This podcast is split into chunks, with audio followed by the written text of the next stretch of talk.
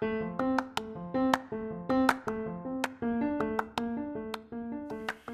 ho, terima kasih karena telah meluangkan waktu untuk mendengar.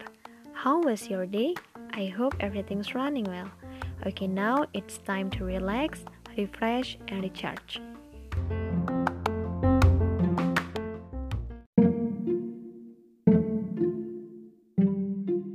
Hai hai, selamat malam minggu. Episode perdana kali ini, aku mau mulai dengan salah satu cerita yang menurutku menarik. Oke, jadi ini adalah kisah yang dialami oleh sebuah keluarga burung. Si induk telah menetaskan beberapa telur menjadi burung-burung kecil. Ia pun merawat burung-burung kecil ini dengan penuh kasih sayang. Hari demi hari berganti. Seiring berjalannya waktu, burung-burung kecil ini pun menjadi lincah. Mereka mulai belajar mengepakkan sayapnya dan terbang ke sana kemari. Dari beberapa burung ini, ada satu burung yang hanya diam dan tampak tidak lincah seperti saudara-saudaranya yang lain. Ketika burung-burung lain terbang mencari makan, burung yang satu ini hanya diam di sarang daripada lelah dan terjatuh. Iya, ia hanya menunggu belas kasihan dari saudara-saudaranya. Waktu terus berjalan. Si induk pun semakin tua dan tidak mampu lagi berjuang untuk menghidupi anak-anaknya. Si burung ini pun sangat sedih melihat keadaan tersebut. Seringkali ia melihat saudara-saudaranya yang kian terbang tinggi dari satu pohon ke pohon lainnya, sementara ia harus puas deng hanya dengan berada di satu dahan yang rendah. Ia pun semakin sedih setiap harinya.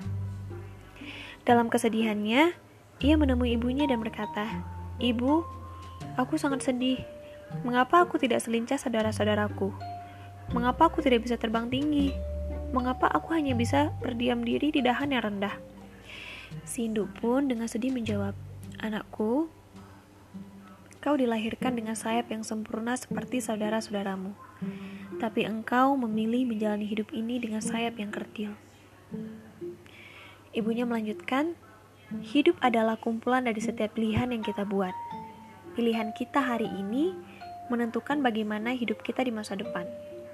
Kita memiliki kebebasan memilih, tetapi setelah itu kita akan dikendalikan oleh pilihan kita.